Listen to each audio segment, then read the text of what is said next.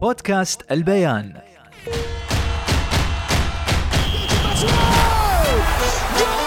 مستمعينا في كل مكان عشاق كأس العالم والساحرة المستديرة. أنا خالد المهيري بكون وياكم طوال أيام مونديال 2022 على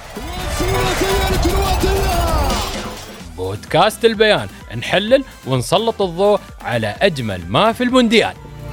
كتبت اسمي وتاريخي. على أرضي ومريخي سموي من سما داري لأن اسمي إماراتي لأن اسمي إماراتي. حياكم الله متابعي بودكاست البيان في اليوم الثالث عشر من مونديال 2022 أيضا هذا اليوم مميز بالنسبة لنا نحن كإماراتيين واهلنا العرب والمقيمين على هذه الأرض الطيبة. اليوم يوم عيد الاتحاد الواحد والخمسين. باسم البيان وفريق عمل أيام مونديال 2022 نتقدم باسم آيات التهاني والتبريكات إلى صاحب السمو الشيخ محمد بن زايد آل نهيان رئيس الدولة حفظه الله وإلى صاحب السمو الشيخ محمد بن راشد آل مكتوم نائب رئيس الدولة رئيس مجلس الوزراء حاكم دبي رعاه الله وأخوانهما أصحاب السمو الشيوخ أعضاء المجلس الأعلى للاتحاد حكام الإمارات وإلى أولياء العهود ونواب الحكام وإلى شعب الإمارات بهذه المناسبة الغالية. وطبعا كنا اليوم إماراتيين ونفتخر نحن إماراتيين. نرجع إلى مونديال 2022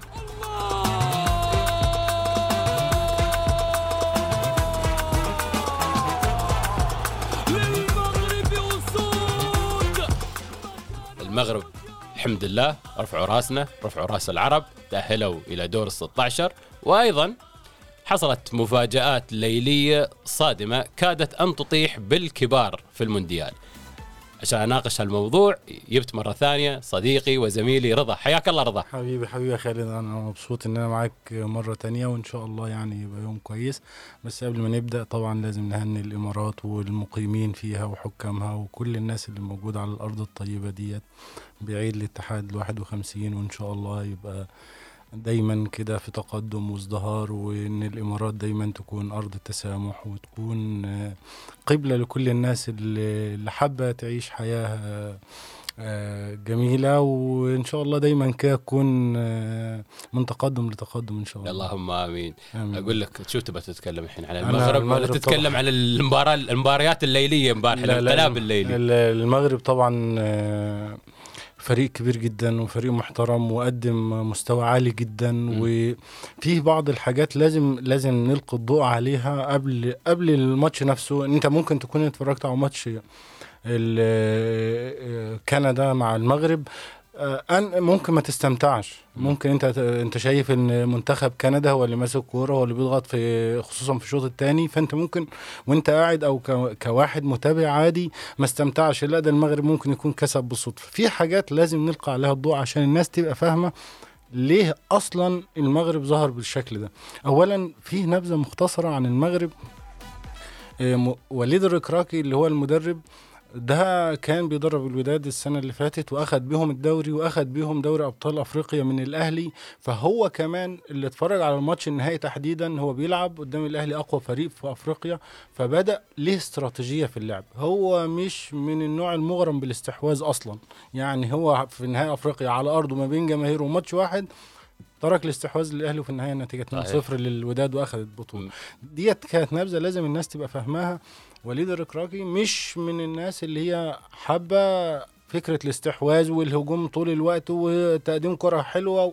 لا هو مش في مش في باله كده هو حابب إن هو ياخد اللي هو عاوزه من المباراة ديت بداية قبل ما نتكلم في أي حاجة وليد الركراكي عين يوم 31 أغسطس الماضي يعني صح. قبل البطولة تقريبا ب 80 يوم تقريبا مم.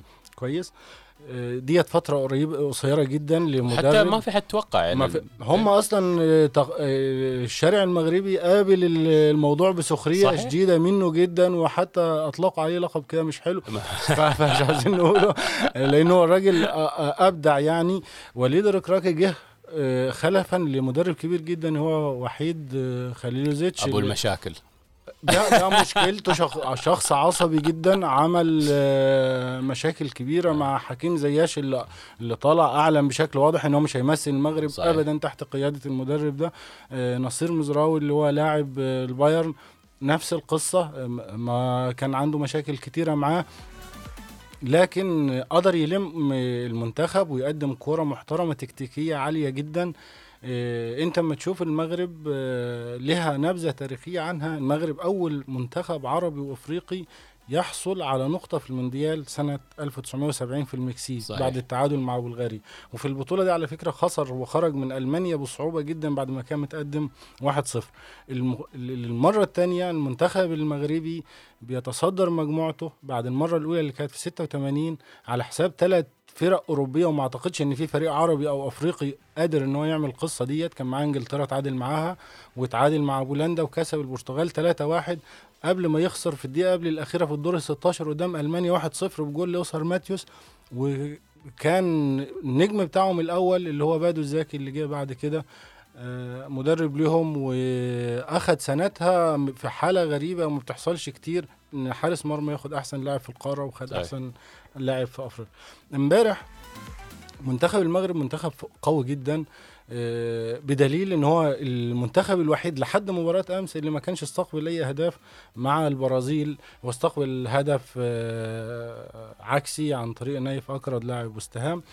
ف عنده تكتيكيا عالي جدا آه، عنده بيعرف إزاي يقفل مساحات وإزاي يلعب عنده لعيبه على مستوى عالي جدا آه، يوسف النصيري لاعب إشبيليا عنده ياسين بونو حارس إشبيليا عنده آه، زياش تشيلسي آه، حكيمي آه، باريس سان جيرمان مزراوي. آه، عنده لعيبة كتير وعنده أدوات كتيرة تقدر يتقدم فيها في البطولة بشكل كويس جدا.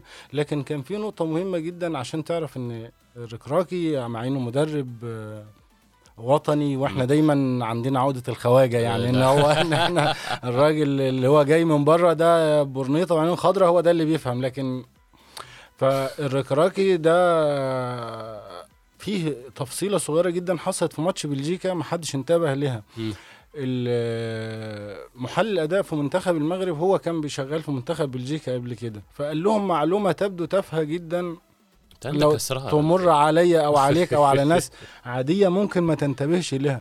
قال لهم المنتخب بلجيكا ما بيوقفش لاعب في الكرات الثابتة على العارضه القريبة مم. على العارضه الأولى ما بيوقفش لاعب يحافظ عليها أو يدافع عنها لو لاحظت أنت جه فيها حكيم زياش حط جول. واتحسب offside جه صبري حطه مرة تانية واتحسب آه، جول صحيح ده دليل إن أنت عندك مدرب بيمسك في التفاصيل البسيطة يراقب أوي. الثغرات بيراقب الثغرات وكل معلومة مهما كانت صغيرة ممكن تفيده هو بيشتغل عليها فإحنا أنت. توقعاتك المغرب وإسبانيا الم... أنا إسبانيا اتفرجت عليها إسبانيا يبدو إن هو الماتش الأول كانت فيه رهبة بقى لكوستاريكا أو مم. لحاجة لكن اسبانيا امبارح ما أقنعتنيش ابدا قدام مع اليابان. مع إن أنت الاستحواذ كان 74 26 ط- تمريرات 1059 مقابل 237 يعني مباراة من جهة واحدة لكن في النهاية ما فيش فاعلية على ال... بس على. تشوف المغرب قادر على تخطي إسبانيا أنا بشوفها قادرة جدا جدا. إن هي تتخطى إسبانيا على المستوى اللي أنا اتفرجت عليه مم.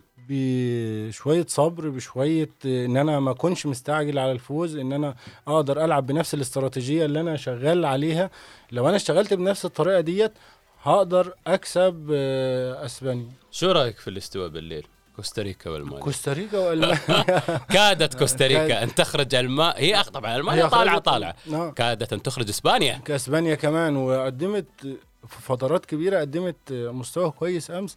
لكن خبرة الألمان وإصرارهم إن هم يسيبوا بصمة طبعا أنت عارف إن إن هم خرجوا من الدور الأول البطولة اللي فاتت صحيح. ومش متعودين إحنا دا- دايما متعودين إن ألمانيا بيكون لها يعني دور كبير في البطولات المجمعة اللي زي بطولة أوروبا أو كأس العالم بيكون لها يعني دور واضح فيها إن هي بتوصل للادوار النهائية أو بتنافس عليه لكن بطولتين ورا بعض بيطلعوا من الدور الأول ديت حاجة مخزية لألمانيا وبينه وبينك غالبية العرب مبسوطين إن هم طلعوا يعني. ضربتين في الراس توقع يا أخوي.